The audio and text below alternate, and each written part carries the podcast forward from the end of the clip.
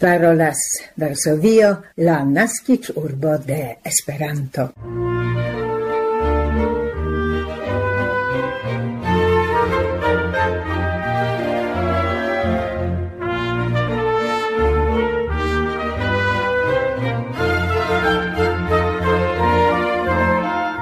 Coran bonvenon gesignoroi en la 1200 sepa Esperanto el sendo de la Pola Retradio. Invitas vin hodiau la decan de novembro 2022 Barbara Pietrzak, Milada Szwedo kaj Maciej Jaskot kaj krome Rico Giacometto ankaŭ cifoje voce kontribuanta al nia programo. Ni al senda udigas antautage de la Pola Nazia Festo, ligita cun la regainita antau cent kvar jarui suverenezzo, post la cent dudec tri jara anexo fare de Prusio, Rusio cae Austrio. Pri la festo cae cefe por ocasei eventoi ni informas en nia cultur cronico. La regainita suverenezzo ehas en la monata gazeto de polai esperantistoi d'antau cent jarui kiu post tempestecei militei eventoi, historiei eventoi, reaperis en oktobro 1922. Gian titol pagian al vocon al polei esperantistoi ne citas en nia hodioa programo. En la Esperanto Comunuma segmento vi trovos informon pli aktualan inter alie pri la oratora concurso occasionta dum la novembra virtuala congresso. La elsendon commences la cultur cronica informoi.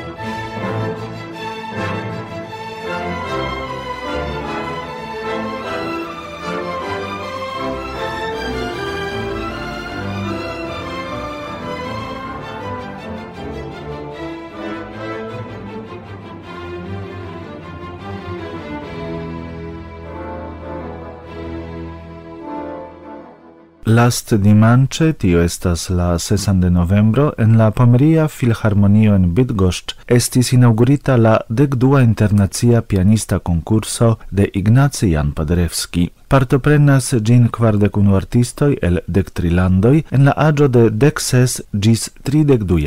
Ili estis eliminitaj el inter cent kvindek kandidatoj el dudec oclandoi. La La eliminaj auscultoi okazis en Sacile, Italio, Seulo, Tokio, Varsovio, Vieno kai Novjorko. La kvaretapan konkursan rivaladon pritaksas la jurio sub la gvido de profesoro Piotr Paleczny. En gia consisto trovigas krome Rafał Blechacz, Pollando, Dang Tyson, Vietnamio, Stanisław Judenic, Usono, Vanessa Latarch, Britio, Nikita Mdojans, Francio, Alberto Noze, Italio, Noriko Ogawa, Japanio, kai Alicia Paleta Bugai, Pollando. Ciui concursetapoi estas publice relaisatai. La festivalo estas organizata de la Musica Societo de Ignacian Padrevski, kiu nun jare solenas sian centiarigion, kun labore kun la Musica Akademio kai Pomeria Filharmonio en Bydgoszcz. La concurso manĝas la memoron de elstara pola pianisto, komponisto kai politikisto Ignacy Jan Paderewski. Krome gi celas promocii iunain pianistoin kai polan kulturon en la mondo. La finalo de la concurso, dum kiu estos disdonitai premioi, okazos la dudekan de novembro en la concerta salonego de la Pomeria Filharmonio de Ignacy Jan Paderewski en Bydgoszcz.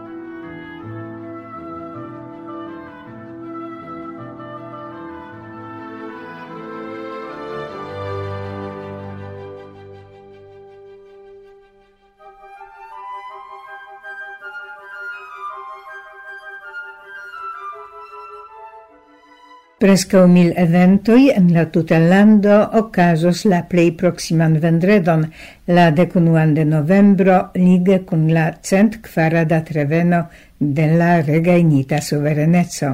Tiu ocase en la publicei locoi ec flirtas centri da miloi da polai blancai rugei flagoi. Ili flirtas ancau ce fenestroi cae balconoi de multei poloi, ciui tia maniere accentas la comunan confestadon. Antau tage tio estas jaude vespere estis planita granda musica evento, concerto por la sendependa Pollando. Cadre della oficiala programo della Solenado, vendrede matene la pola presidento cune cun la edzino partoprenos meton de flor cronoi ce la monumentoi de la patroi de la suverenezzo Sekve en la palazzo Belveder ocaso solenaĵo ligita en enmanigo de statai distingoi. Accurate tagmese ocaso solena shangio de la militista gardostarantaro ce tombo de neconata soldato, meto de florcronoi ce monumento de marshalo Józef Piłsudski, uno e la patroi de la regainita suverenezzo, cae concerto de patriotai cantoi. Dekvin jaroj la plei granda projekto kuniganta en lande cae exterlande estas la comuna plenumo de la nacia himno tagmeze, kio ocasa sub la devizo La sendependa pretas kanti la himnon. Nun iare la eventon organizas circau 700 lerneioi, comunumoi, exterregistarei organizoi, cultur institucioi cae neformalai gruppigioi. La comuna cun cantado de la himno estis planita ancau exter Pollando, en Cairo, Romo, Noviorco, Chicago, Pariso, circauajoi de Bristolo. Alla tradiziai elementoi de la festo appartenas marcio de sendependezzo, organizata divers urbe de patriotai medioi. La nuniara en Varsovio tramarcios la cef urbon sub la deviso Forta Nazio, Granda Pollando. En la solenado de la festo partoprenas grandai naciei museoi, temai museai centroi, muzeaj institucioi, inter alie la Museo de la Varsovia Insurrectio, 1944 organizas vendrede la porocazan concerton contra Targovicam, kies titolo referenzas alla hontmaculita perfidula gruppigio Targovica, kies agado inter alie al conducis al dispartigo de Pollando en la dec oca iercento. En la Juda Historia Instituto en Varsovio oni inauguros morgau la exposizion Brakce Brake, Judoi en Polei sendependigai streboi 1794 1910. La Museo de la Historio de Pollando organizas interalie la urboluron Crepusco antau la tempesto. Gi transportos la partoprenantoin alla meso de la decnava iarcento por conatigi cun schlosilei politiche eventoi antau la contrauzara januara insurrezio 1863, cae por exci kiel tiu epoche evoluis Varsovio. Yeah.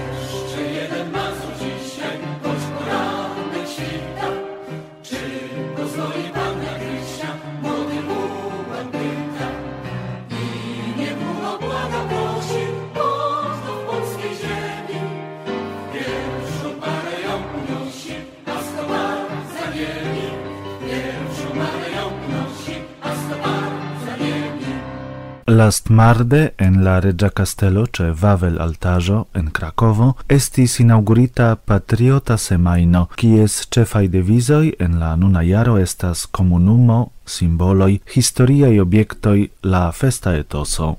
La semaino dauros gis dimancio, cae tiu ocase en la castello estis instalita aparta patriota sfero cae preparita spazludo tra la castellai expositioi. Pere de gi la regia castello Vavel elstarigas electitain historiain obiectoin cae iliain oferdonintoin, proximigante iliain historioin ligitain cun Cracovo cae la castello. Croma evento dum la semaino estas la campanio de sango donado, kiun la organizantoj taxas kiel nia epokan heroecoformon.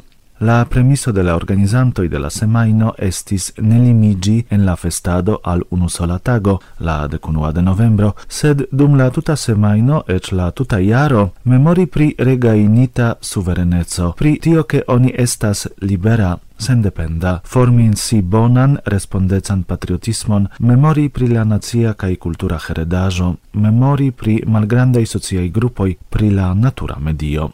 La ideo de la semaino suffloras ancau che pri historio, pasintezo, malnovae epocoi, ciui influas la nun tempon, cae estontezon, eblas paroli en vere interesa maniero.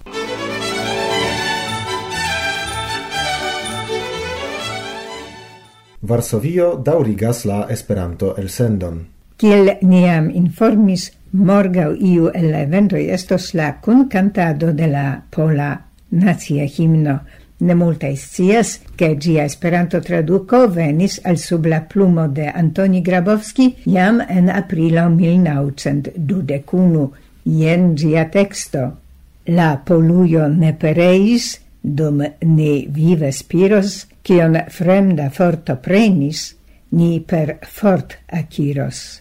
Marsu, mars Dombrovski, el Itala lando, al patrui nin gvidos via cef comando. Iros ni trans Vislo, Varto, estos Pollandanoi, kiel venki Bonaparte montris al companoi. Kiel cef Czarniecki granda contra la sfedaro til ni por Savolando jetos nin trans maro. Patro al filino sia, gioi plorante diras, audu, bravularo nia, cun tambur mars iras.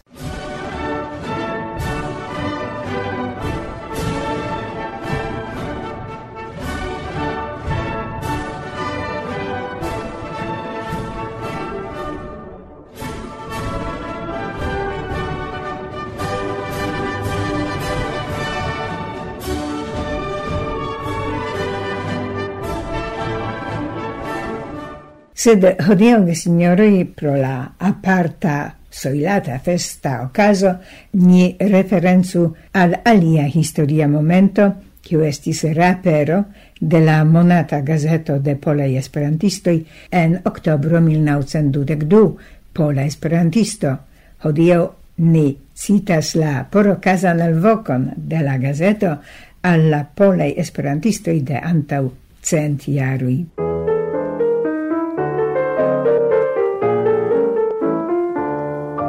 Pola Esperantisto, monata gazeto de Pola Esperantistoi, jaro de sepa, Warszawa, oktobro 1922, numero 1, krampe okdek.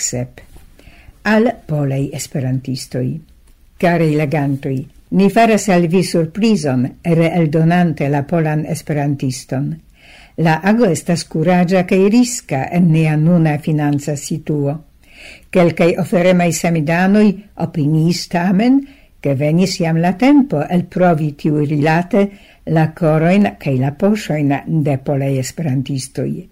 La comenzon, che ciam estas plei malfacila, ili prenis sur sin, esperante che vi, dispelita birdaro, cun flugos alla alvoco, cun mono, cun ideoi, cae creos la neston de cie esperanta vocio reaudigios en nea libera Pollando.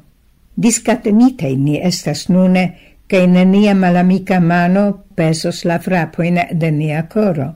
Ni povas diri laute alla tutmonda esperantistaro, ciai sentoi kai idealoi regas la polan tacmenton en la esperanta armeo. Ni povas algi raconti kian rolon en la monda civilizo ludis kaj ludas la pola nacio, kia estas ĝia nuna kunlaboro al la bonstato kaj progreso de homaro.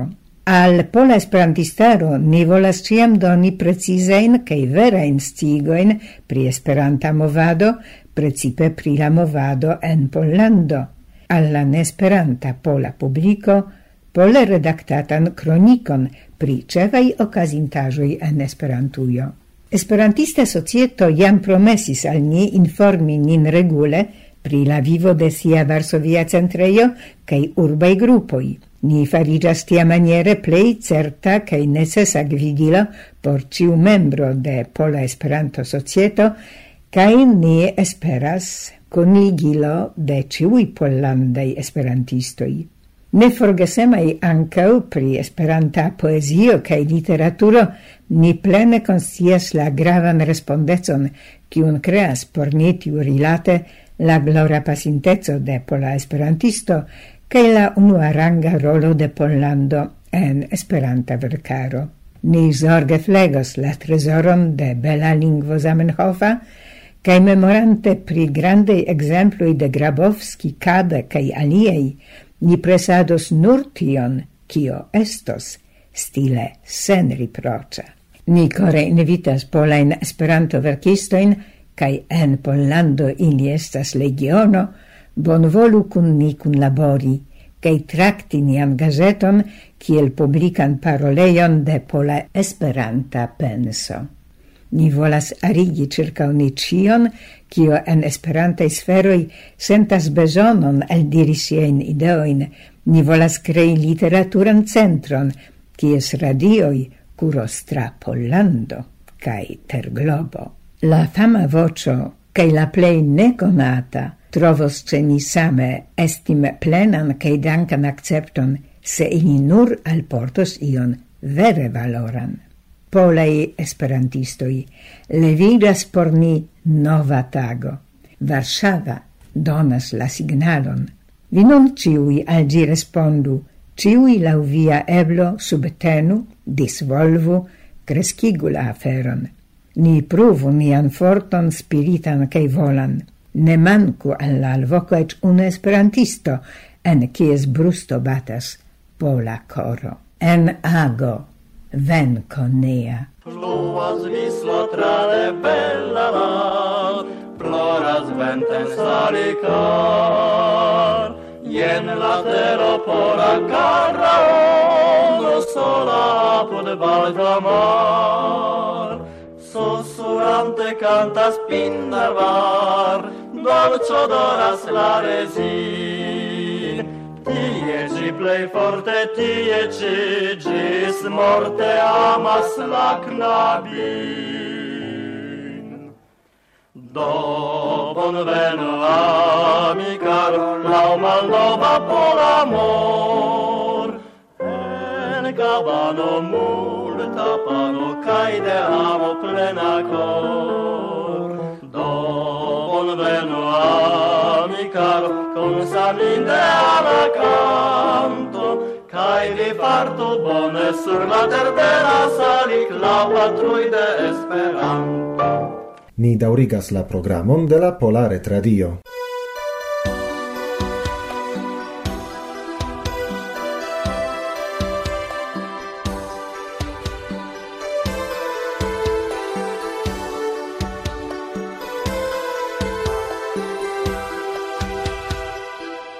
La decan de septembro la magistrato de Bia Biudas, villaggio de la provincia Palencia, organizis omagion al unu el la plei elstaraj esperantistoi de la Esperanto-grupo de Bilbao, Felix Diez Mateos, 1889-1981, kiu nascigis en tiu loco. En la oficiala retpaĝo de la magistrato trovigas lia mallonga biografio, en kiu eblas legi. Li estis entusiasma esperantisto, presidento de la grupo de Bilbao kaj de la dudeksepa Hispana Kongreso de Esperanto en 1966, kie li devigis la aliajn nomi sin Felixo, lia nomo en Esperantujo, uzata de lia germana edzino Frida kiel karesnomo. Dum la omaĝa solenaĵo prelegis Federico Major Zaragoza, generala directoro de UNESCO inter 1987 kai 1999 kai Ricardo Diez Hochleitner, nepo de Felix Diez kai filo de lia samnoma patro Ricardo Diez Hochleitner, economisto kai diplomato, prezidanto de la Roma Clubo inter 1990 kai 2000 kai patro de la hispana edukreformo de la jaro 1970.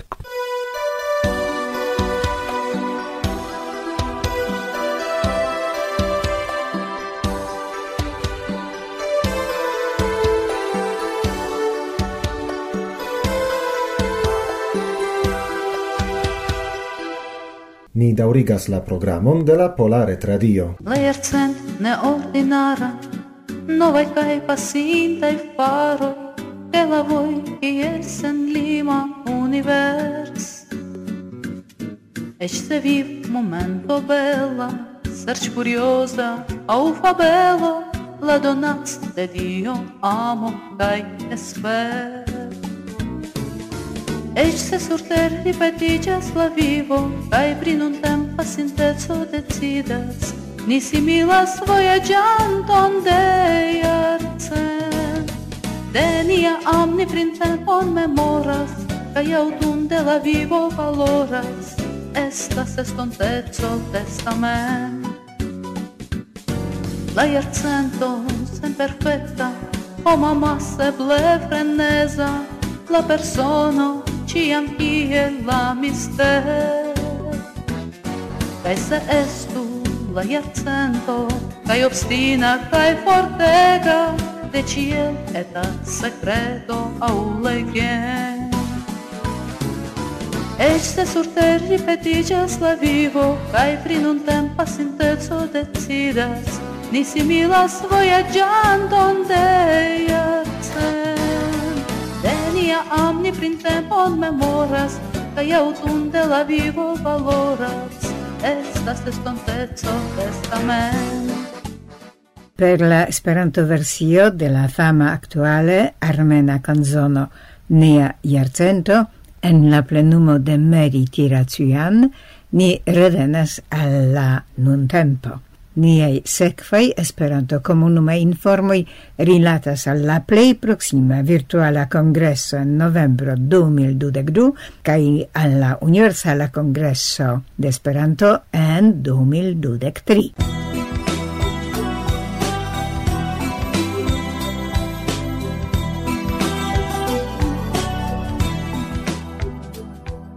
Cadre de la tria virtuala congresso de Esperanto, de nove ocasos oratora concurso.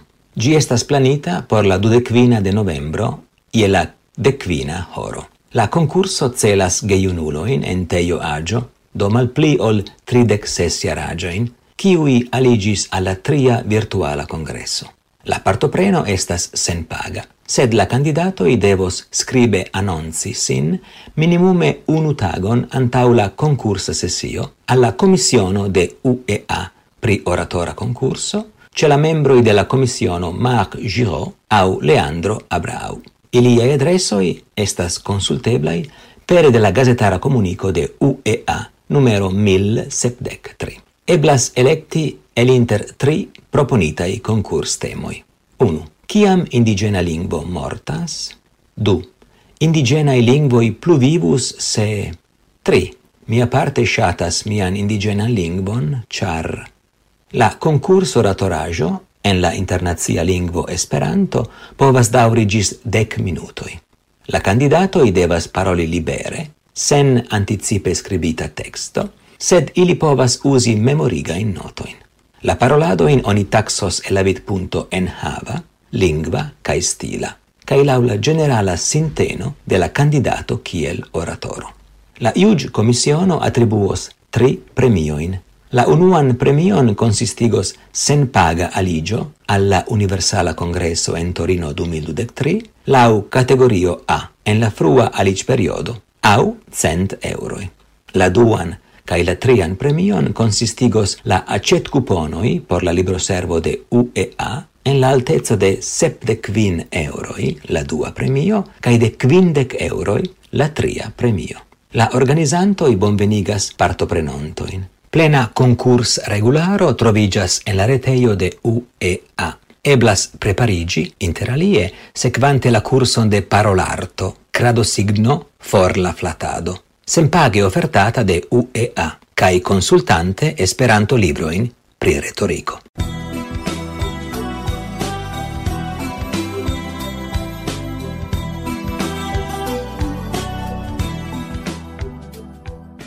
Cadre de la venontiara centoca Universala Congreso de Esperanto en Torino ocasos la sebdexesa sesio de la Internacia Congresa Universitato ICU.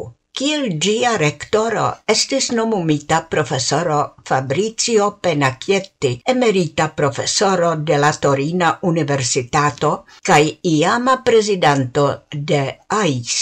Helpos kiel vicrektoro professoro David Astori. UEA invitas proponoin de IQ prelegoi, kiui estu senditai al IQ sekretario plei laste la 31 de januaro 2023.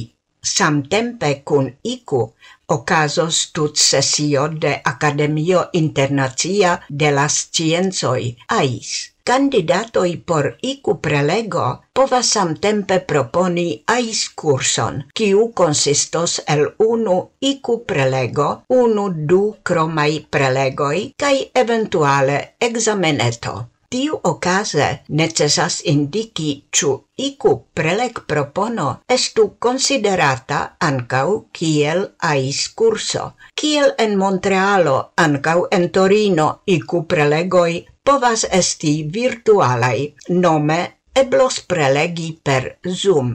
La proponoi estu pri interesai allogai temoi cae taugai por clera publico.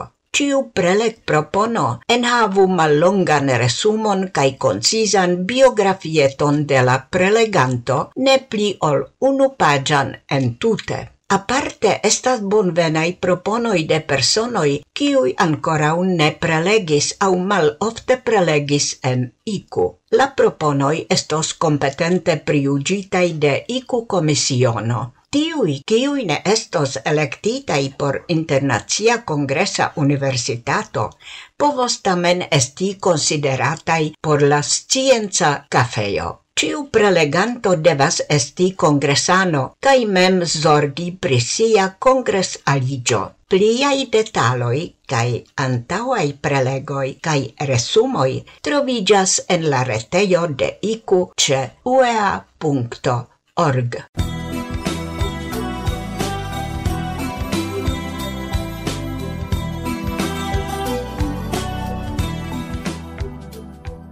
Kaj tiel, gesinjoroj, finiĝas nia hodiaŭa Esperanto-elsendo el Varsovio. Ĝis la raŭdo, sinjorinoj kaj sinjoroj.